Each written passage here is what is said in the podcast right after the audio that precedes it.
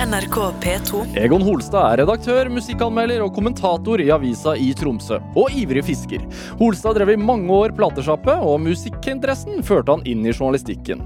Han har skrevet flere bøker og er en markant stemme i den norske samfunnsdebatten, noe han tidligere i år mottok Riksmålforbundets pris Gullpennen for. Dette er Drivkraft med Vegard Larsen i NRK P2. Egon Holstad, velkommen til Drivkraft. Tusen takk. Hvordan har du det?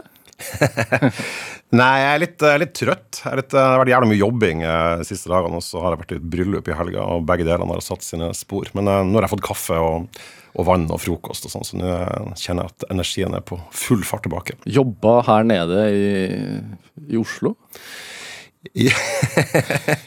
ja, jeg er, jo, jeg er jo glad i Oslo. Jeg har jo mange av mine aller beste venner. Jeg syns det er en helt eh, super plass å, å være på. Det er bare synd den ligger så jævla avsides til. byen. Men, eh, men det, er en, eh, det er en fin by å være i. Og uh, jeg skulle ha intervju noen folk som, som da bor her, og da måtte jeg dra, dra hit. Så Du- derfor, derfor er jeg i byen. Du skal starte podkast, det er lov å si det, er det ikke det? Du sa det, det er greit at du sier det. Ja, ja, det er ikke noe, det er ikke noe statshemmelighet. Jeg skal starte en podkast som skal hete Feedback, som det skal være litt sånne lange intervju med folk jeg syns det er interessant å snakke med om musikk. Og så eh, er det de første rundene Jeg skal, jo- jeg skal gjøre fem intervju her nede, og så får vi se hvilken rekkefølge det blir. Den skal ut på eteren i november. Ja.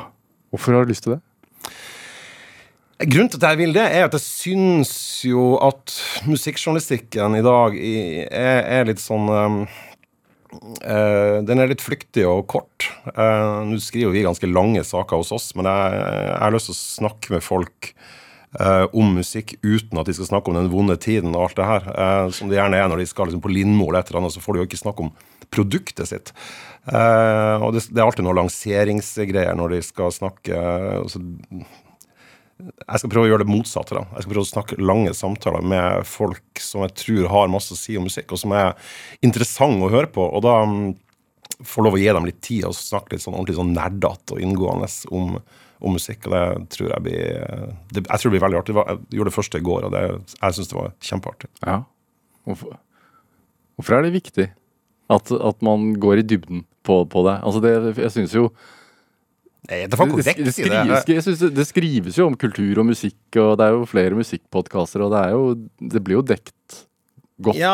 men kanskje ikke godt nok. Nei, din, jeg, jeg, ikke sånn som jeg vil det skal dekkes, i hvert fall. Så jeg, jeg, jeg, ønsker å Jeg har hatt ei spalte i, i, i avisa i Tromsø der jeg jobber, da, som, som heter På en øde øy.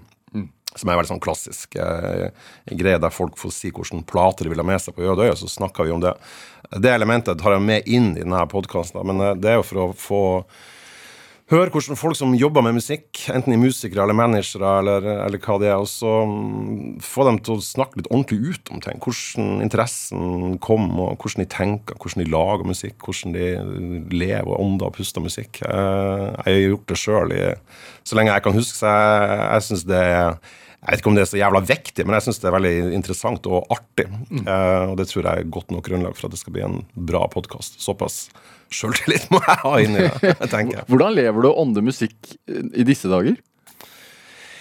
Nei, altså jeg syns det er veldig rart at musikkdekninga har blitt såpass mye dårligere enn det den en gang var i, i etermediene. Altså, du har jo noen, noen igjen, selvfølgelig. Eh, Klassekampen er kjempegod på det. Dagsavisen er, er, er bra. Eh, og jeg syns jo i Tromsø jeg sjøl jobber i, også er bra.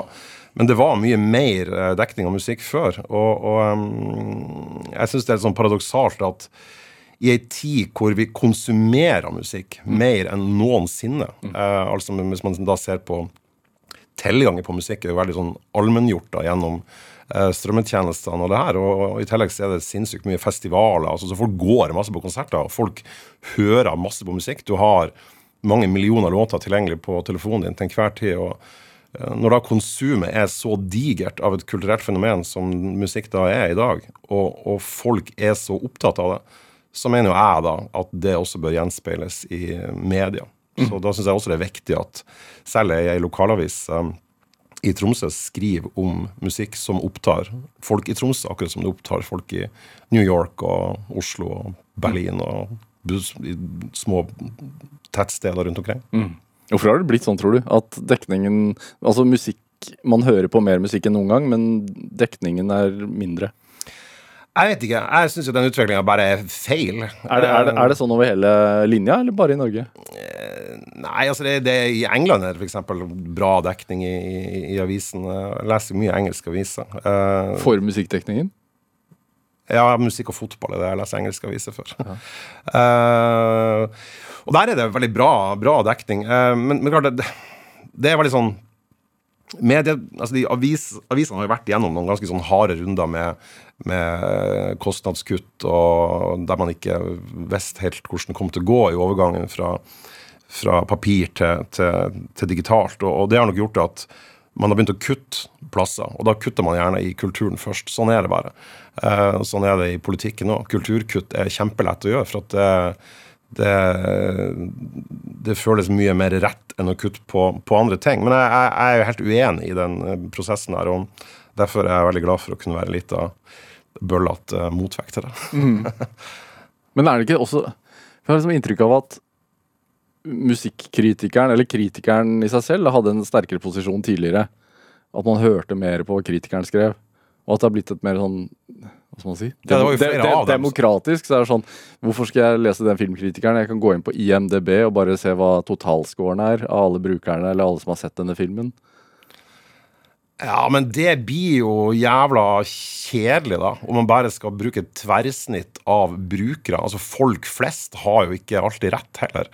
Uh, da kan man jo bare se på VG-lista for å se hva som til enhver tid er den beste musikken. Mm. Jeg syns det er forbanna viktig at man har musikkritikere og filmkritikere og teaterkritikere og litteraturkritikere som, som forteller hva som er bra og hva som er dårlig. Eh, fortrinnsvis ut ifra et, eh, et, ståsted som er tufta på kompetanse. Da. Det er jo gjerne en, for, en fordel. eh, så jeg, jeg syns det har en stor verdi, og, og, ikke minst det å klare å få dytta inn i stuen til folk det de kanskje det de ikke visste at de kom til å digge. Uh, så jeg syns det, det, er en forbanna viktig jobb. Ja. Hvordan hvordan fungerer du i det markedet? Er du like opptatt av nye artister og, og nye plater, eller uh, hegner du om det liksom der du alltid har vært, holdt jeg på å si? Nei, altså det ene utelukker jo ikke det andre. Uh, jeg er jo selvsagt opptatt av ny musikk. Det kommer ut jævlig mye bra ny musikk. Uh, de som sier at det ikke gjør det, uh, det er jo folk som gjerne bare skal bekrefte sin egen akterutstilt uh, posisjon der de ikke gidder å følge med lenger. Så det var mye bedre da, da det var Led Zeppelin og Deep Purple og de her tingene. Men, uh, men, Som gjerne skjer når man liksom har bikka 50. Ja, eller det skjer ofte når folk får unger ja. uh, i 30-årene. Da, da, begynner man å si at alt var bedre før, for at man ikke gidder å sjekke det ut. Men, men det, det, mener jo jeg er, er, er bare tull. det, det gis ut masse bra musikk i dag, men, men det klart at musikken var kanskje mer sånn uh, altoverskyggende eh, synlig eh, i, i, i, media før. Men jeg, men jeg tenker at eh, hvis du tror at det ikke gis ut ny, bra musikk, eller at det ikke lages ny, bra film, eller at det ikke skrives bra bøker lenger, og at du må tilbake en, til hver tid for å finne noe bra, mm så er det en slags, altså det er en, det er en slags uh, diger Eller ikke en slags, det er en diger fallitt. Da kan, kan du bare si 'jeg henger ikke med lenger'. Og det er ryddig. Men ikke lat som at det har å gjøre med at det er noe feil med samtida. Det er noe feil da med din måte å henge med på. Og det er en ryddig sak, men da må du si det. Hva tenker du er rollen din da, når du er altså fordi du eh, anmelder jo fremdeles plater. Mm. Hva, hva, hvordan ser du på rollen din der? Min rolle jeg har ikke tenkt så mye på. Jeg tenker at Vi, vi er jo en liten redaksjon som, som skriver. Fortrinnsvis er vi to stykker. Jeg og en som heter Helge Skog, som er eh, kjempeflink, og som uh, vi utfyller hverandre ganske godt. Og vi dekker ganske bredt. Uh, så den hoved, hovedoppgaven vår er jo å fortelle folk hva vi syns er bra, og hva vi syns er verdt å høre på. Uh, der vi vekslevis skriver veldig sånn nerdete faglige eh, ting der vi grunngir det veldig godt hvorfor vi liksom Eller vi, hvor vi prøver å grunngi veldig godt hvorfor vi mener at det her er kjempebra eller dårlig. Mm. Eh, og så skriver vi også litt sånn lettvekter, eh, litt sånn mer sånn tullball. Eh, tidenes beste andreplate og tidenes beste liveskive og tidenes beste rytmeseksjoner og tidenes beste bla, bla, bla. Mm. Eh, som skaper masse debatt og synsing og krangling og kjekling og sånn. Så det er som livet ellers, og som media ellers, så syns jeg at man skal prøve å vekte både et element av alvor og et element av tullball, for begge delene er veldig viktig. Mm. Blir du ikke lei? Jeg kan faen ikke bli lei av musikk. Det, det, det, det lei av å ha venner. Av å eller- mene om det? Nei, altså, jeg har jo ment noe om musikk så lenge jeg husker. Eh, så jeg er jo veldig heldig som eh, får penger for å gjøre det. Eh, og det er jo ytring om musikk som har sendt meg videre inn i ytring av, av andre ting. Uh, men klart, det kan godt hende at folk er forbanna lei av å høre hva jeg mener om ting. Men jeg, så, lenge, så lenge jeg får betalt for å gjøre det, og så lenge man ser at folk leser, så kommer jeg nok til å fortsette med det. Jeg har ikke tenkt å slutte. Dette er Drivkraft med Vegard Larsen i NRK P2. Og i dag er eh, musikkanmelder og kommentator i avisa i Tromsø, Egon Holstad, her hos meg i Drivkraft med NRK P2. Det å være musikkmann, jo, som du egentlig er, og holde på å skrive nå om krig og storpolitisk spill og sånn, som du jo også gjør. Hvordan er det? Hva, tenker du på den kontradiksjonen, liksom? At jeg gjør begge delene? Ja, må, tenker du Fordi du er jo Du har jo du, du er jo ikke redd for å si meningene dine, og du er jo Det, det, Det ville vært litt dumt. Ekko før her så definerte jeg deg vel som en kruttønne fra nord. og Du skriver jo spissformulert, du skriver morsomt. Uh, du er ikke redd for å bruke bilder som, som får oss til å flire, da. Eh, Nei. og når du nå skal også skriver om, om, om, om krigen i Ukraina, tar du på deg en annen hva skal man si, eh, rolle, en annen hatt? Nei, altså det er jo Jeg syns det Jeg er veldig lite Jeg blir veldig lite imponert av folk som kan dritmye om bare én ting, da. Eller som er bare interessert i én ting. Jeg hadde noen sånne kunder hos meg der platesjappe som hadde peiling på Bob Dylan. Punktum. Og det, er, og det er jo ikke noe vanskelig. Det er som å ha kun peiling på curling. Da får du jo jævlig peiling på curling eller Bob Dylan. Eh, Hvis du foreslo en annen plate, ikke interessert? hva for noe, Fest? Hvis du foreslo en annen plate for dem, så var du, du var ikke Nei, det var liksom det var det, var det de var hypp på. Og, og, og det er ryddig, det, altså. Men, men, men jeg, jeg liker i hvert fall å tro at jeg er litt mer At jeg har litt flere dimensjoner, da. Uh, og jeg er jo mye mer fascinert av folk som er skrudd sammen av forskjellige komponenter. Og jeg tenker jo også at det er ikke noe eh, Jeg syns ikke det er noen motsetning å skrive om storpolitikk eller psykisk helse eller eller uh, samfunnsaktuelle tema, og det å samtidig mene noe om musikk. Uh, musikken er jo også full av statements om verden rundt oss. Uh, og den kan også være full av tullball. Jeg skriver jo også helt sånn lettbeint kåseri meint for å få folk i godt humør. Jeg syns det også er viktig. Og så må man av og til ta på seg en mer sånn alvorlig mine å, å, skrive om noe som er tungt og, og vanskelig og, og vrient. Uh, men at det skal være noe sånn oppsiktsvekkende uh, sånn kontradiksjon, det, det, skjønner jeg liksom ikke. Nei. Men er det, jeg leste den siste spalten din i, i, i Tromsø, som jeg leste var om russiske fiskebåter som leverer fisk til, til eh, havnen i Tromsø.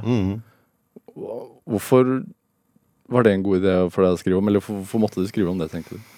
Jeg måtte jo ikke skrive om det, jeg ville skrive om det. Eh, grunnen til at jeg ville skrive om det, er for at eh, jeg mener særlig dere her i Oslo og, sør i landet har godt av å bli minnet på om at vi der oppe i nord, og særlig da i Finnmark, mm. som er enda lenger øst for der, der jeg holdt til, og, og nord, så, så har de Russland jævlig nært seg. Eh, altså Bare hittil i år så er det jo levert eh, fisk eh, i Tromsø for over en halv milliard av russiske fiskebåter. De samme båtene man har sett og drevet kryssa på kryss og tvers av de her kablene eh, mellom Svalbard og fastlandet, som har blitt kappa. Eh, de samme båtene har man sett eh, eh, over de samme over lignende type kabler i, i, i Vesterålen. NRK hadde en kjempegod sak på det nå i sommer. Og at vi da bare skal la dem surre og gå helt uten noen slags motstand, bare for at vi ikke skal ødelegge det gode forholdet til Russland, det syns jeg er jævla øh, naivt. Uh, og jeg tenker det at vi er naboland til et digert land som er i krig og har invadert et annet naboland. Uh, når vi da har deres eh, båter tett inn i havnene våre, som egentlig norskvasker uh, pengene sine, som igjen går inn til de oligarkene som er gode venner av eh, Putin, så synes jeg at det er noe man bør skrive om. Og det gjorde jeg da. Hva syns du om dekningen generelt? Av hva? Av naboforholdet vårt?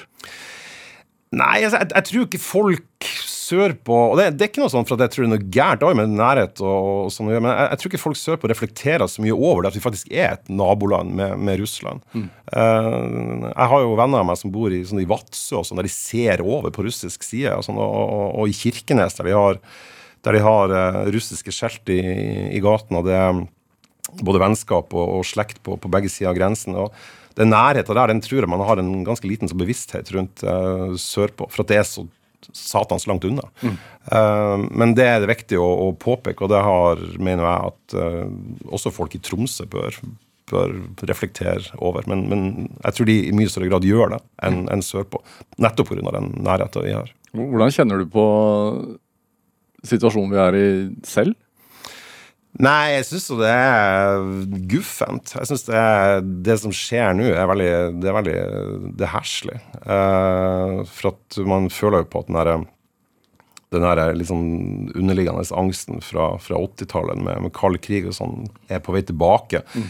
Uh, men da var jo jeg liksom i tenårene, og atomkrig var noe man forholdt seg mer til på en sånn litt sånn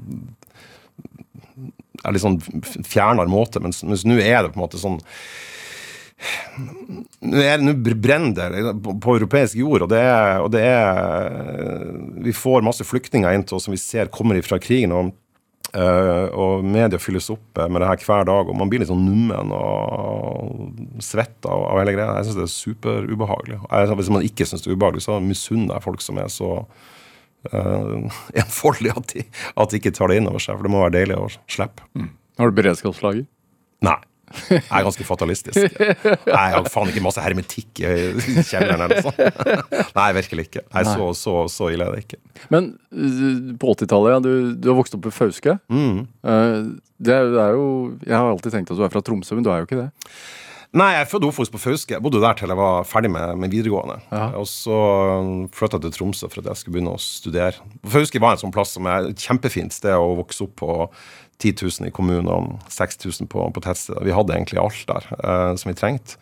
Uh, men når jeg var ferdig med videregående, så hadde jeg en voldsom sånn utbrytertrang som jeg tror er veldig universelt og, og vanlig. Jeg ville til noe større. Ja. Um, Hvorfor Tromsø, da? Ikke Nei, Det var en kombinasjon av flere ting. Det ene var jo det at broren min allerede hadde flytta litt. Han er fire år eldre enn meg. så Man ser jo opp til storesøsknene sine, og jeg syns det hørtes kult ut. da. Uh, I tillegg så er jeg jo, jeg er jo veldig glad i å bo i Nord-Norge. Jeg trives godt i nord. Mm. Uh, liker naturen, jeg liker folkene, og jeg liker, jeg liker årstiden der. jeg liker liker å bo i nord. Eh, så for meg å bo i Oslo, som jeg et par ganger har vært ved noen veiskiller der jeg har vurdert det, så har det vært en ganske sånn kort vurderingsprosess. Mm. Så um, jeg har da bodd i Tromsø i, i 32 år. Så det blir nok der jeg kommer til å ende mine dager også, tror jeg. Hva slags, hva slags hjem er du fra? Nei, et sånn klassisk akademisk hjem. Begge foreldrene mine var lærere. Uh, videregående? Ungdomsskole? Uh, ungdomsskole og videregående. Uh, veldig trygt og ryddig og hadde det jeg trengte. La meg mett og var stort sett ganske lykkelig, tror jeg. så er det sånn, ja, trygt norsk, trygg norsk kjernefamilie fra, fra et tettsted i Nordland. sånn ganske mange som hadde sånn som er veldig lite spektakulært med min, med min, min oppvekst, men, eh, men, en trygg og, trygg og fin oppvekst, ja. Men pratet om, om mening Altså man måtte stå for meningene sine? Antar jeg? Ja, det, det, det har jeg nok fått med, med, med morsmelka med begge foreldrene mine og, og broren min, for den saks skyld. Altså, det var jo sånn, vi var jo ferdig på skolen samtidig som de var ferdig på jobb, så vi spiste middag samtidig. ikke sant? Og, og Uh, og så sov de i ettermiddagskvil, uh, foreldrene mine, og så var det da ettermiddagskaffe med riksaviser og, og lokalaviser. Og da var det masse diskusjoner om, om verden og uh, hvordan ting hang i hop. Og, sånn, og, det har nok vært en ganske sånn viktig ballast for meg. og det å lære seg å formulere meningene sine. Hva slags verdenssyn hadde dere hjemme hos dere? da? Nei, det var jo sånn radishjem, altså. klassisk. Hva vil det si? Nei, så Foreldrene mine var jo ikke noen medlem av noe politisk parti. og sånn, og de begge to var jo veldig sånn skeptisk til den her eh, avgudsdyrkelsen til, det, til de på det ytre venstre fløy. og sånn, så Vi, vi tilhørte ikke noe sånn her, Det var ikke noe bilde av Mao på veggene og sånn hjemme hos oss. Jeg er veldig, jeg er veldig glad at den, den distansen der var, var der. Men, men, det var jo en, en uh, klar idé om liksom, antirasisme og om uh, aksept for andre og hjelpe andre. og Faren min var jo veldig sånn Ba meg jo alltid liksom om å sånn spurte sånn, husk Husk hvem som eier problemet, bestandig husker han brukte å si. Det, det var en bra læresetning som jeg har tatt, tatt, med meg. Hva betyr det? Nei, for eksempel når man eh, senere i livet mitt Etter han, han døde jo i 1990, da, men jeg, jeg husker sånn eh, Et veldig sånn bra eksempel er jo det her med hvilke ord man bruker om ting. Kanselleringskulturen og alt det tullet der. Uh, men jeg sa jo f.eks. neger uh, da jeg vokste opp. Det var en vanlig ting å si. Det var ikke et lada ord i det hele tatt. Plutselig så var ikke det OK å si lenger. Og så syntes jeg det var litt sånn teit, og så tenkte jeg i bakhodet ok, men hvem er det som eier det problemet her? Er det jeg, eller er det adressaten? Altså? Og det er klart da skal du lytte hvem som eier problemet. Ja. Så det syns jeg er en bra setning. Men det var sånn generell sånn herre man skulle ta vare på, på, hverandre, og de sterkeste ryggene skulle ta de tyngste løftene osv. Ja. En bra, bra ballast å ha med seg, tenker jeg. Har det gjort deg uredd? Nei, da faen om jeg er så uredd. Jeg er vel en litt sånn uredd type. Eller naiv, jeg vet ikke. Jeg, jeg, jeg, jeg kan, man kan ikke gå rundt og være redd, i hvert fall ikke når man har den jobben jeg har. Eh, jeg tenker at det å stå opp for ting, det faller veldig naturlig for meg.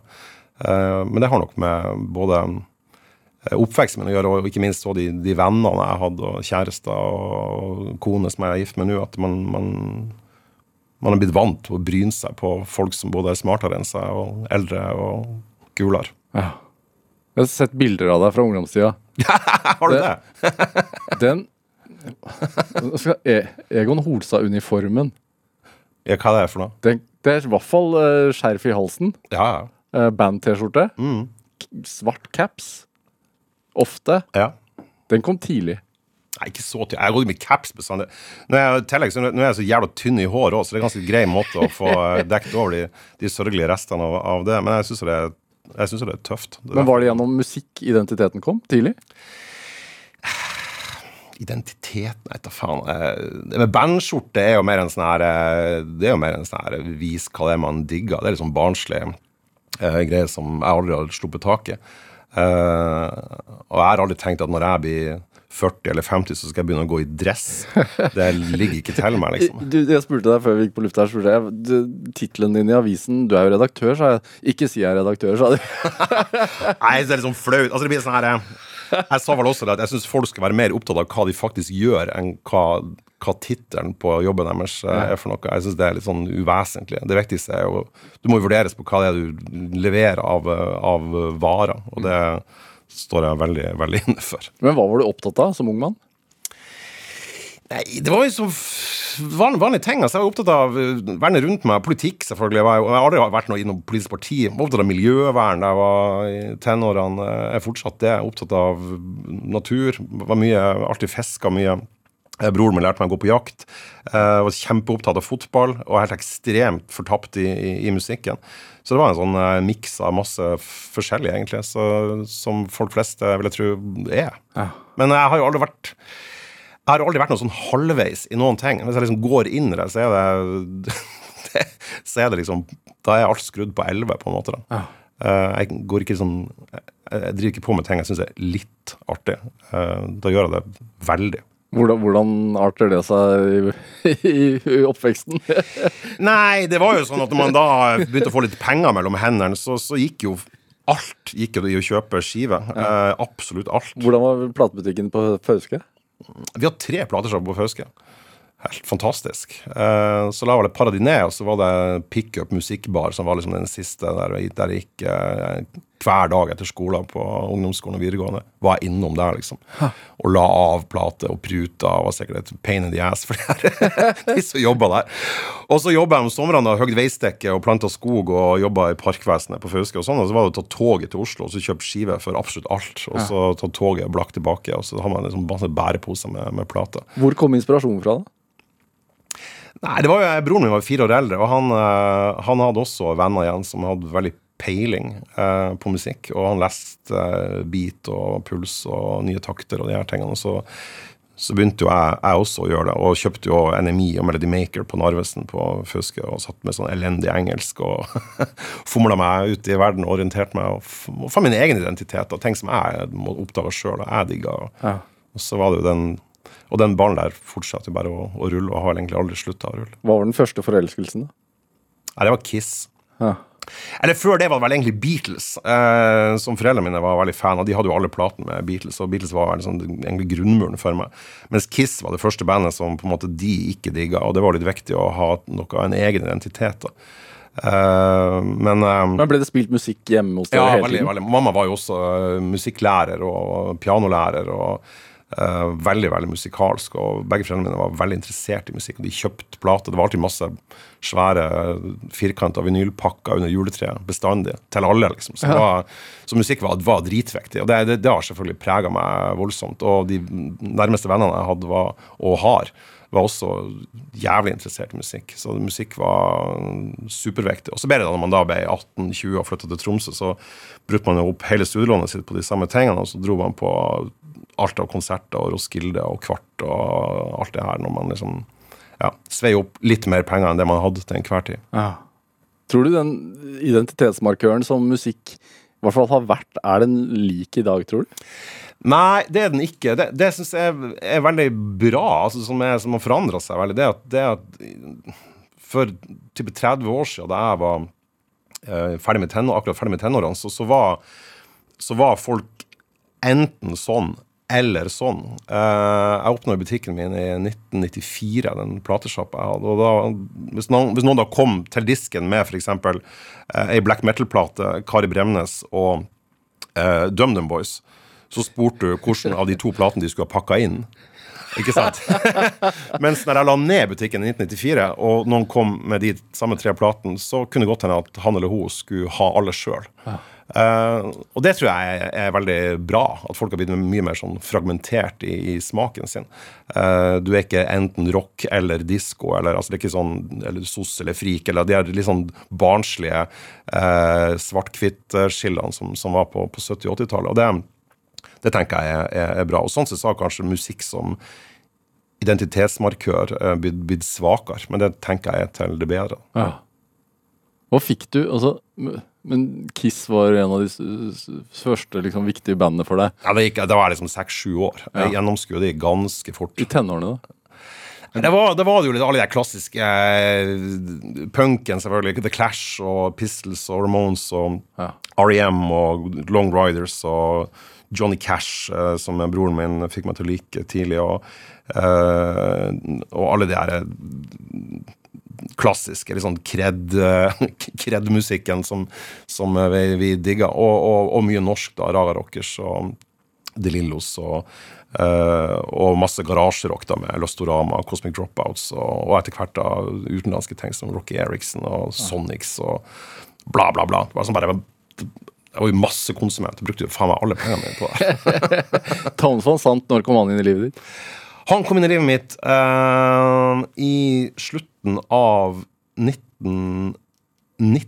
Så var det en, um, en venn av broren min som heter Tommy Noreng, som er død nå, dessverre, uh, som satt på ei plate til meg som heter Our Mother, Our Mother the Mountain. Uh, og det var til dags dato det vakreste jeg noensinne hadde hørt. Og jeg ble helt hodestups. Uh, jeg ble ikke bare opptatt av, jeg ble helt uh, delirisk opptatt av å få tak i alle platene hans. Og de var vanskelig å få tak i på den tida.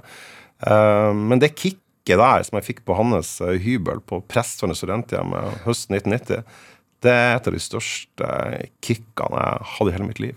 Kan du forklare hvorfor?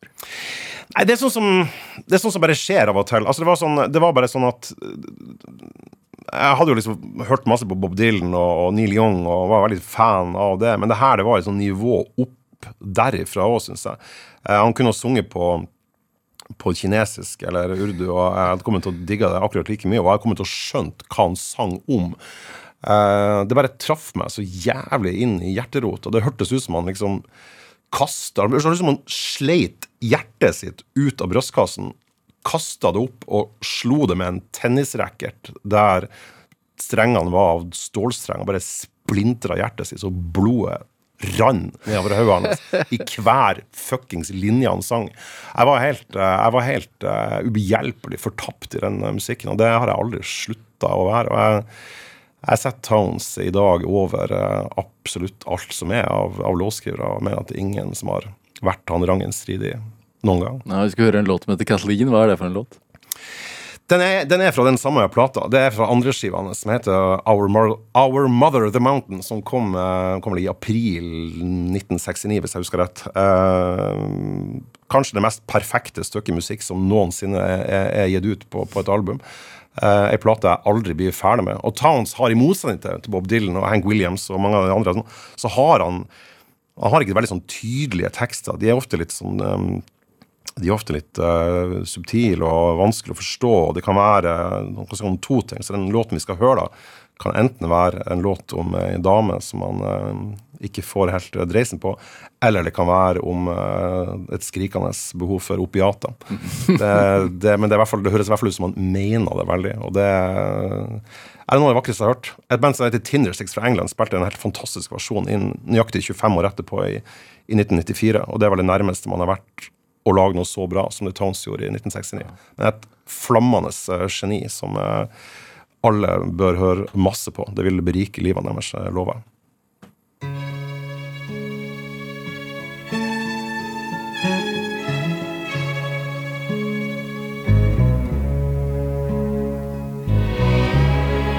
Plain to see, the sun won't shine today.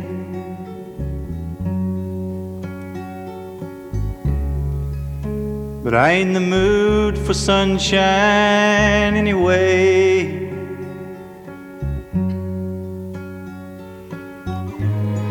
Maybe I'll go insane. I got to stop the pain.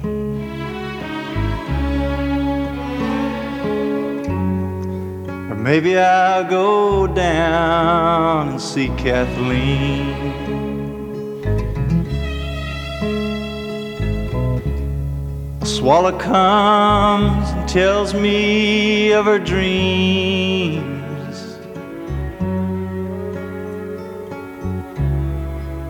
She says she'd like to know just what they mean.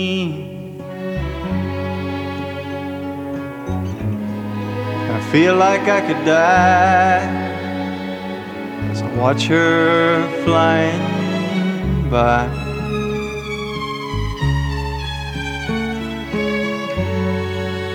Ride the north wind down to see Kathleen.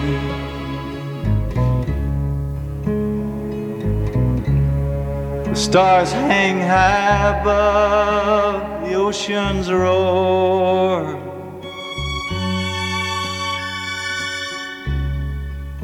The moon has come to lead me to her door.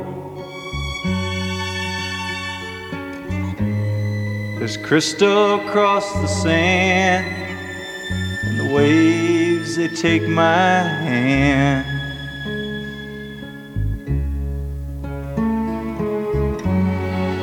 Soon I'm gonna see my sweet Kathleen.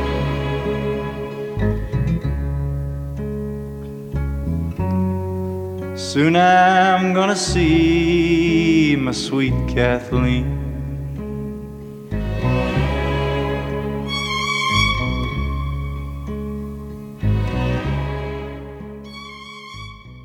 Ja, Du fikk uh, Towns One Sant med låta Kathleen her i Drivkraft på NRK P2. Valgt av dagens gjest uh, her i Drivkraft, uh, nemlig aviskommentator og musikkanmelder Egon Holstad, uh, som skriver for avisa i Tromsø. Det var en fan. Mm. Hvorfor er det viktig? Nei, jeg vet ikke om det er viktig. Uh, jeg blir veldig fan av, av ting. Uh, blir det av fotballag og blir det, blir det av artister. Sånt det er, uh, jeg vet ikke det har med lidenskap å gjøre. Lidenskap er veldig vanskelig å intellektualisere, og det tenker jeg at man ikke trenger å gjøre heller. Uh, men jeg ja, Det døyver jo ofte med alderen. Altså, man er veldig fan når man føler som sterkest i tenårene. Og... Ja, snakk for deg sjøl. Ja. Ja. Nei, jeg, jeg, er veldig, jeg er veldig fan en dag i dag. Er derfor jeg går rundt med T-skjorte. Det er for å vise at jeg, det her digger jeg. Mm. det kan godt hende at det er veldig sånn infantilt, at jeg, bare, at jeg bare er litt barnslig. Jeg er veldig åpen for akkurat den forklaringa. Men, men jeg syns det er kult å være fan av noe. Når det gjelder musikk, så er det jo sånn hvis Altså hvis, noen, hvis en artist gir ut ei dritdårlig plate, så kan du jo si det. Og du kan til og med slutte å like et band eller en artist for at de enten blir helt ko-ko, eller, eller, eller, at de eh, går helt bort ifra det, det du digger. Men det å være fan av noe er veldig, det er veldig kult. Og det har med tilhørighet og identitet og alle de her um, litt sånn klisjéfylte forklaringsmodellene å, å, gjøre. Men jeg er en fyr som blir veldig fan av noe. Det er liksom, sånn, sånn som jeg er av typer. da. Mm. Eh, så går jeg veldig sånn lite halvveis inn der også. Hvorfor tror du Van Sand traff deg sånn? Nei, jeg vet ikke. Det blir som å. Det blir som å skulle intellektualisere, intellektualisere kjærlighet. Liksom. Altså det er, det, for det er, en, det er, jo et element av kjærlighet i det. Det bare traff meg noe jævlig. Uh, jeg hadde ikke hørt noe som var så inderlig. Og uh, jeg syns Tom Van Sant er er en av verdens beste vokalister i tillegg. Ikke for at altså, Pavarotti kunne sikkert gå, gå både høyere og lavere enn han, men, men han, han, eh, han, hadde en måte å formidle eh, tekstene og musikken sin på som bare traff meg så steinehardt. Mm. Eh, og det gjør det fortsatt. Jeg skrev et sånn dypdykk for et år siden med, der jeg gikk gjennom hele diskografien hans og skrev om alle platene og hele historien rundt han og livet hans. og sånn. Da fikk jeg en ny sånn runde med flammende kjærlighet for, for, for, for Town, som var Eh, noe jeg kjente aldri kommer til, til å avta heller. Du booka han en gang? Ja, det var jo helt absurd. Det var et år, han spilte, Jeg booka han på Blårock i uh, november 1995. Han døde jo først i første 1997, altså uh, ca. et år før han døde. Uh, og det var jo som å treffe ei blanding av Donald Duck, Batman og Kevin Keegan, liksom. Altså, det, var sånn, det var veldig, veldig veldig absurd. Men, uh, men um, og han var jo sliten på slutten. Tans levde jo et liv som var, var veldig, veldig, røft. Han med mye rus, og han hadde mye psykisk sykdom. Han var plaga med og, sleit veldig med, med helsa på, på, mange nivå, både somatisk og, og psykisk. Men eh, akkurat den kvelden så, så klaffa ting, og det var dritbra. Og han, eh, han spilte to helt fantastiske sett. og, og eh, det var utsolgt, og det var helt Det eneste lyden du hørte, var lyden av lightere som fyrte opp sigaretter. Those were the days. Mm. Psykisk, altså, psykisk sykdom er jo også noe som er opptatt av deg?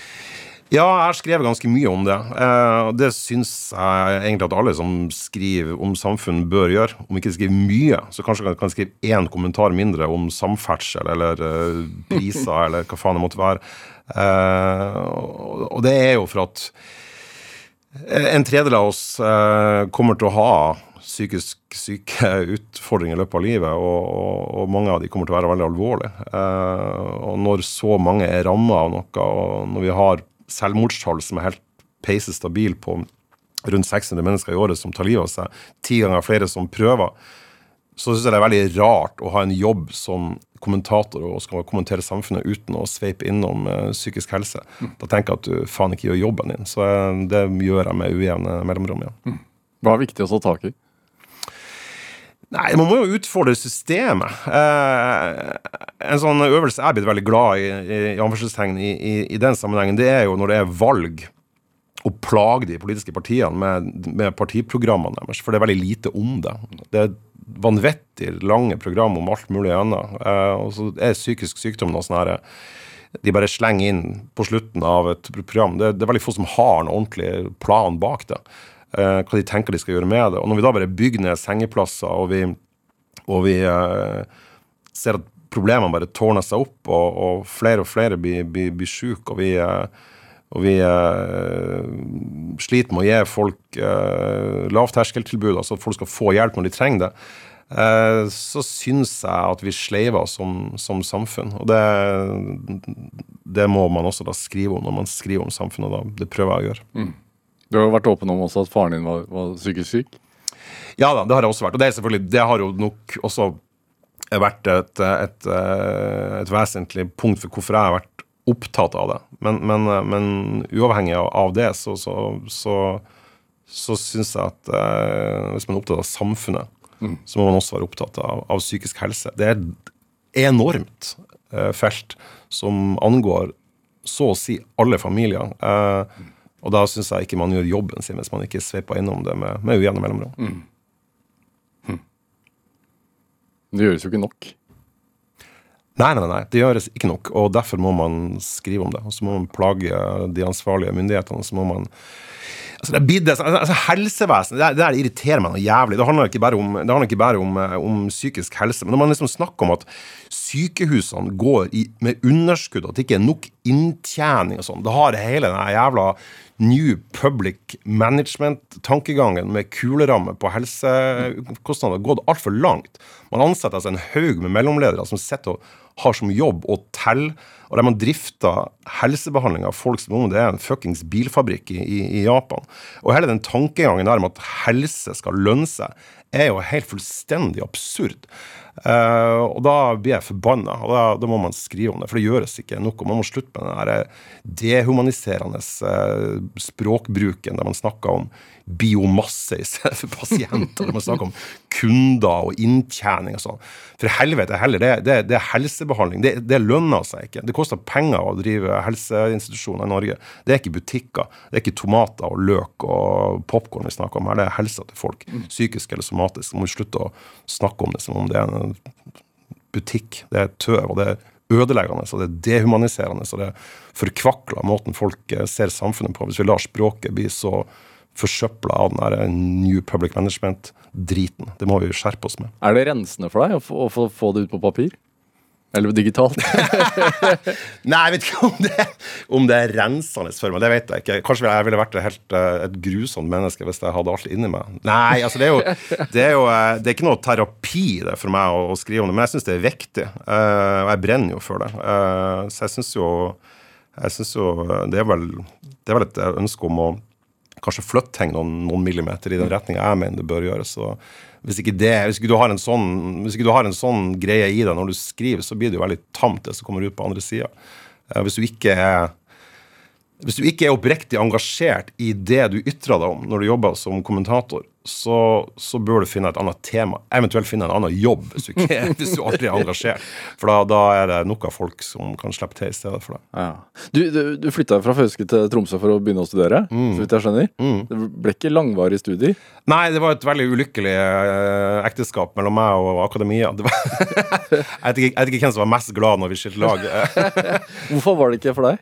Nei, jeg, jeg er nok jeg, Hadde jeg vært født 20 år senere, så hadde jeg sikkert hatt noen bokstaver i margen på meg. Jeg er veldig sånn rastløs eh, type. Dårlig på å konsentrere seg. Eh, helt elendig på å strukturere studiene mine. og Det passa bare ikke for meg. Altså, jeg var ikke bra nok for det der.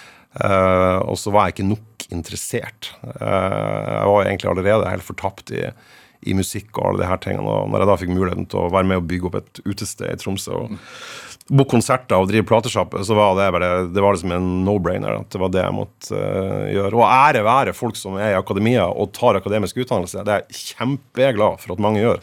Uh, det bare passa ikke for meg, akkurat som jeg heller ikke ble lastebilsjåfør. Som jeg også er jævlig glad for at mange er. Det Du starte platebutikk Altså Først så book- bookte du artister til Blårock, og så starta du platebutikk.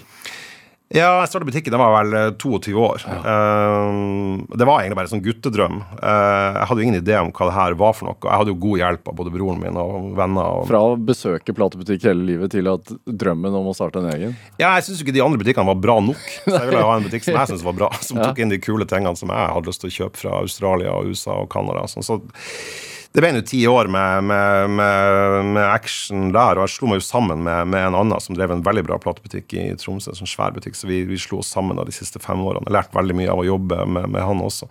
Så mm, det var ti, ti veldig sånn formative år for meg, i hvert fall. Som jeg er veldig glad jeg gjorde, men som jeg neppe ville ha gjort om jeg hadde visst hva jeg gikk inn i. Hvorfor det? Nei, det var jo lite penger å tjene på det der. Altså, jeg var jo nødt til å jobbe som en gærning. Jeg, altså, butikken var én ting, så jeg må være DJ i tillegg. Og så arrangerte konserter for å få endene til å møtes, rett og slett. Eh, Det var jo ei dritartig tid, og man hadde jo ei helse som var ganske eh, drøy på den tida, så man tålte jo alt det her. Og det var jo minimalt med søvn og ekstremt usunn livsstil. Men, eh, men det var nå artig når det, når det sto på. Men tenkte du at du var med å bygge et møte, altså en møteplass, et, et sted for, for verden til Tromsø? Altså, har man det som liksom en agenda? Sånn Nei, jeg har jo aldri hatt noe sånn agenda. Eh, nei, så pretensiøs vil jeg overhodet ikke si. Det var, det var veldig egoistisk, eh, basert på at jeg hadde lyst på en platebutikk som skulle være min. Som skulle se akkurat ut sånn som jeg, jeg ville. Det var ikke noe idé om å skape Hvordan- noe møteplass i et sånn svært kulturelt eh, sånn smeltedigel der jeg sto i sentrum og løfta opp byen. Nei, det var virkelig ingen sånne Gikk dårlig økonomisk fordi du skulle ha alle platene? sier? Ja, ja det var, jeg var en god kunde hos meg sjøl, men jeg fikk innkjøpspris på platene. Hva tenker du om at de platebutikkene ikke fins nesten lenger? Nei, nå har det jo poppa opp igjen, da, eh, som rene vinylsjappe. Men eh, eh, det der skjedde jo først det, det første som ødela de platebutikkene i Norge, det var jo platekompaniet som gjorde en kjempegod jobb, og der platebransjen eh, var ekstremt korttenkt og ga dem sinnssyke fordeler som vi andre ikke fikk. Eh, Dernest kom strømminga og tok knekken på platekompaniet også. De har bare én butikk igjen, og dernest bare nettbutikk. Og da har man fått et nytt liv for de her nisjebutikkene. Men det er jo småtteri. ikke sant? De, de, de største butikkene her i Oslo, sånn som Big Dipper, og sånn, går jo med superoverskudd og sånn, men, men i det store bildet så, så er vinylsalget litt sånn oppblåst hvor svært det er. da. Men, men jeg, jeg liker veldig at de er kommet tilbake, at de butikkene finnes, sånn at, sånn at sånne nerder som meg kan gå rundt og bla og finne kule ting. da. Ja. Hva mister man da, når alt ligger på Spotify?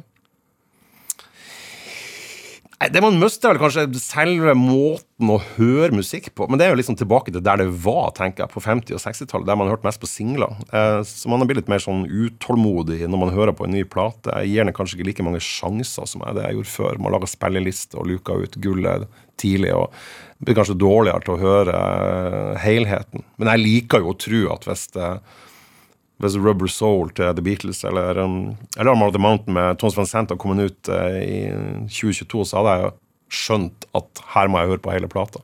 Mm. Hva gjør du nå da, når du skal anmelde en plate? Hva du tenker på? Nei, Hvordan går du frem? Nei, altså, jeg, jeg skriver aldri om en plate før jeg har hørt minst tre ganger på plata. Og det mener jeg, det må du kreve av de som skal skrive anmeldelser. Jeg, jeg reagerer veldig på når, når f.eks. Dagbladet anmelder en ny plate med Nick Cave. Når man konkurrerer om å være fire timer etter den har kommet ut. Ja. Det, er, det er bare tull. Og det er sånn det er, ikke, det er ikke en konkurranse om å være først, eh, det å anmelde plate. Det, det skal være en konkurranse om å være best og skrive mest eh, inngående og opplysende om, om, det man, om det man har hørt på.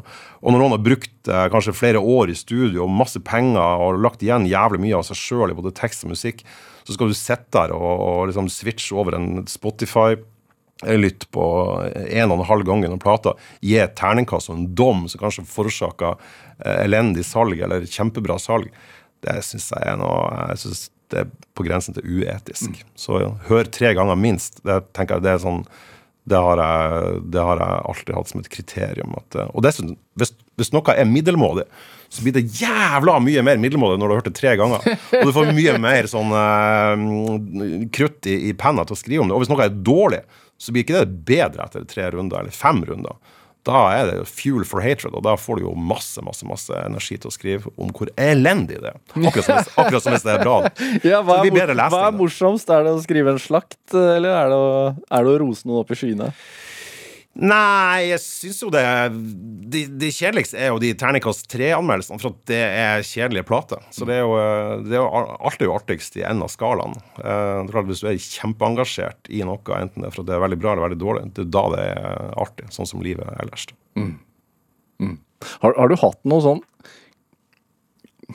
klart målretta løp i livet? Nei, nei, jeg har aldri hatt Jeg har faen ikke hatt en ambisjon eh, annet enn å overleve, liksom. Altså sånn helt sånn basisk eh. Nei, jeg er, veldig, jeg er veldig en ambisjonsløs fyr. Jeg har aldri hatt et mål om hva jeg skal bli når jeg blir stor, eller hva jeg skal gjøre. Jeg har vært eh, jeg har vært en kombinasjon av um, veldig heldig og hatt mye veldig bra folk rundt meg, og så har jeg sikkert vært litt dyktig også. uh, men en stor porsjon flaks.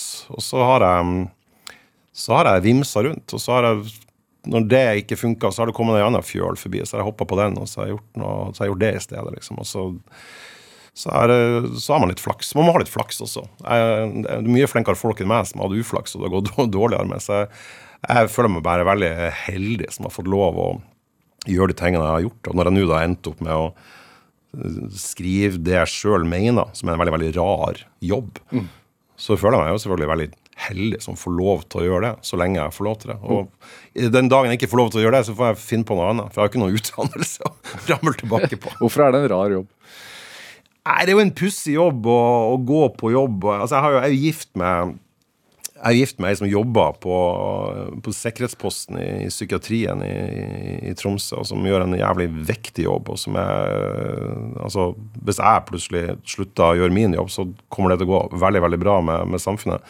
Eh, hvis de som jobber som psykiatriske sykepleiere, slutter å gjøre sine jobber, så rakner ting. Så, så det er klart at det er litt merkelig når vi går til hver sin jobb, så går jeg og skriver hva jeg syns om den nye plata til et eller annet, eller hva jeg mener om om eh, bompenger eller, eller, eller eh, postsystemet i Norge, så, så er, er det er ingen tvil om hvem jeg tror verden ville ha satsa på hvis vi måtte velge en av oss. Jeg tror ikke jeg har gått rett i komposten, og, og hun blitt vært på gullstol. Så, så det, det, det, er en, det er en rar jobb, helt, helt klart. Du takka jo kona di ettertrykkelig da du eh, mottok Gullpennen tidligere i år. da. Ja, med rette. Uh, hun er jo en viktig uh, Selvfølgelig en veldig viktig person for meg. Hun er jo kona mi. Uh, men i tillegg så, så er hun, hun korrigerer meg på ting, og hun holder meg, holder meg i nakken og lar meg ikke blåse meg for mye opp heller. Hun kan liksom påpeke ting som ikke er bra med det jeg gjør. Jeg er ikke bare en sånn naiv heia Hun er ikke noe cheerleader, for å si det sånn.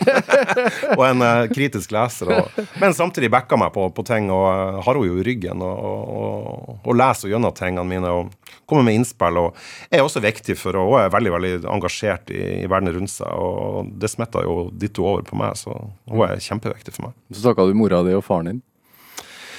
Ja, det er jo uunngåelig. Eh, mamma er jo still going strong fortsatt. Eh, leser jo også det jeg skriver om. Hun hører sikkert på det her også, kjenner hun rett. Eh, så hun kommer jo med korrigering òg på der jeg har slurva med bruk av transitive og intransitive verb. sånne, sånne ting som jeg liker. Det er, jo, det er jo bra. Men det har vært veldig viktig for meg hele livet mitt. Akkurat som faren min var viktig så lenge han var, var i livet. Og det, det, man er jo aldri bedre enn eh, de folka man har rundt seg, tenker jeg. Er du flink til å se å ta vare på de, de kom, den kommende generasjonen? Du har jo en redaktørtittel. Du henter jo inn tekster fra andre skribenter. Og. Jeg tenker på, på rekruttering av nye unge folk. Ja, det er kjempeviktig. Eh, det, det er dritviktig. Altså, han, eh, han Helge som skriver hos oss nå, han er jo bikka 40 nå, så nå han er jo ikke ung og lovende lenger. Men han er, han er, han men han er kjempeflink av at han slapp til eh, tidlig. Eh, og har jo eh, frilansere også inne nå, både på, på foto og på, på, på skriving, som er, som er ung. Eh, i slutten av tenårene og tidlig i 20-årene. Det, det er man nødt til å, til å gjøre hele tida. Man må ikke tro at man er så forbanna bra at man er uerstattelig eller noe sånt. Det var vel han det var vel han eh, Einar Førde som sa at kirkegården er full av uerstattelige folk. Eh, det er veldig fint å si her inne på NRK. Eh, og det er veldig sant. det. Altså, det er, du er ikke uerstattelig. Det kommer alltid noen bak deg som er yngre, og som er både flinkere og har andre perspektiv. Og sånn, og det må man være veldig bevisst, og ikke tro at man er så jævla unik der man sitter og ytrer ting og har en redaktørtittel eller noe sånt. Du må slippe til andre, og du må tørre å gjøre andre gode rundt deg og hjelpe dem å bli bedre enn deg. Mm. for jeg tenker jo at ting blir stort sett jevnt over bedre enn det var. Men hvordan vedlikeholder du din egen sult? da? Nei, jeg er nok litt sånn uh, av type at jeg Jeg ser ikke for meg at jeg kommer til å sette meg ned og bli sedat noen gang og bare la være å bry meg. Det ligger liksom ikke til meg sånn som jeg er. Enten det handler om uh, eh, politikk eller uh, musikk eller fotball eller for den saks skyld fisking. Altså Jeg går liksom all in i ting hele tida, og, og da er det det jeg gjør. Og da gjør jeg det eh, voldsomt, med enorm energi og entusiasme. Og det tror jeg ikke jeg kommer til å slutte med. Hva er det du får av å være ute på havet? Nei, det er jo en veldig annerledes ting, da. Jeg får jo en, en blanding av Jeg får en veldig ro av meg av å være i båten, da. Eh, vi har jo hytte rett på yttersida av Kvaløya med times tid fra, fra Tromsø. Jeg bor helt andre folk der ute som jeg setter vanvittig pris på å henge med. Hvorfor det? Eh, fordi de er annerledes enn de andre folkene jeg kjenner. Eh, gir meg andre perspektiver på ting og strammer meg opp på ting jeg ikke blir stramma opp på der, der jeg ellers eh, vandrer. Så Som for eksempel? Nei, på, på måten å se verden på. De, har- de, ser, de bor utenfor byen og ser verden på en helt annen måte enn de som er urbane gjør. Og så er det i tillegg en sånn her eh, Det er jo et kick å få ei kveite på over 30 kilo. Du blir jo eh, du blir jo eh, dusja av adrenalin når du, når du gjør det. Eller at du fyller en stamp med storskje, eller at du er ute og skyter sel, og du står og griller selkjøtt i midnattssol og sånn. Det er sånn her Det syns jeg er jævlig kult. Da. Da, da har jeg det bra. Er, er, er lov å si man går på seljakt i år? I 2022? Ja, ja. Man får, får kvota på det. Ja. Ja, ja. Man Må drikke med ulovlige ting. Men finne, er, hører du på musikk, da? Nei, det har jeg krangla litt med. Eh, han har jeg vært på. Ha, eh, jeg har en kompis som jeg bruker å være mye på havet i lag med, så jeg er også en god del alene. Men, eh, men eh, jeg, jeg vil ikke ha musikk. Eh, jeg er jo voldsomt glad i natur og er veldig opptatt av fugler. Og jeg syns det å høre lyden av um, småhvalen, altså nise og springer, og det er når de puster, og det å høre sjøfuglene, teisten og lundefuglen og havsula og sånn det er en verdi i seg sjøl. Da kan man ikke liksom fucke opp det med å spille Pink Floyd, eller hva det skal være for noe. Det, liksom, det kan du gjøre når du kommer i land, eller, eller helst noe annet, da. Men, men, men, men eh, der, der vil jeg ikke ha, ha musikk. For den mus det soundtracket naturen kommer med, det er til enhver tid bedre enn det du kan hente ut av Spotify. Altså. Er det barndomsminner også? Med fisking? Ja. Ja, voldsomt masse. Eh, Faren, faren vår tok oss med på, både på havet og, på, og særlig da i, i ferskvann og fiska mye ørret og sånn. så Det, det, ligger mye, det ligger mye barndom i det. Og eh, jeg er jo veldig glad i å ta med meg stedattera mi på, på havet også, og fiske i lag med henne. eh, som jeg syns er fryktelig stas. Da føler jeg liksom at regnet er liksom slutta. Da blir jeg litt sånn sentimental på en, på en fin måte. da. Egon Olstad, hva tenker du er drivkraften din? Eh, Nå har jeg vel akkurat sagt at jeg ikke har noe jævla drivkraft. Men det, blir, altså det blir litt sånn her, det blir litt sånn, her, sånn som når eh, eh, Jeg tror det var Dagbladet som hadde sånn her Hva er ditt livsmotto? Så jeg Hvis folk går rundt og faktisk har et livsmotto, så må de jo faen meg skjerpe seg. Eh, så jeg, for meg som går rundt med en, sånn, med en plakat og sier at det her er drivkrafta mi, da føler jeg liksom at jeg, at jeg, at jeg devaluerer mine egne ambisjoner eh, eller mine egne retninger. Så jeg, jeg tror vel ikke jeg har noe spesifikk drivkraft. I den grad jeg har det, hvis jeg har et piske bak meg, så er det å ikke, ikke ha det kjedelig. Kjedsomhet er jeg livredd. Egen Olstad, tusen takk for at du kom til Drivkraft. Takk skal du være. Eh, produsent i dag var Kjartan Aarsand, mens eh, Olav Tessem Widsvang gjorde research til denne sendinga. Dette var Drivkraft, og jeg heter Vegard Larsen. Vi høres.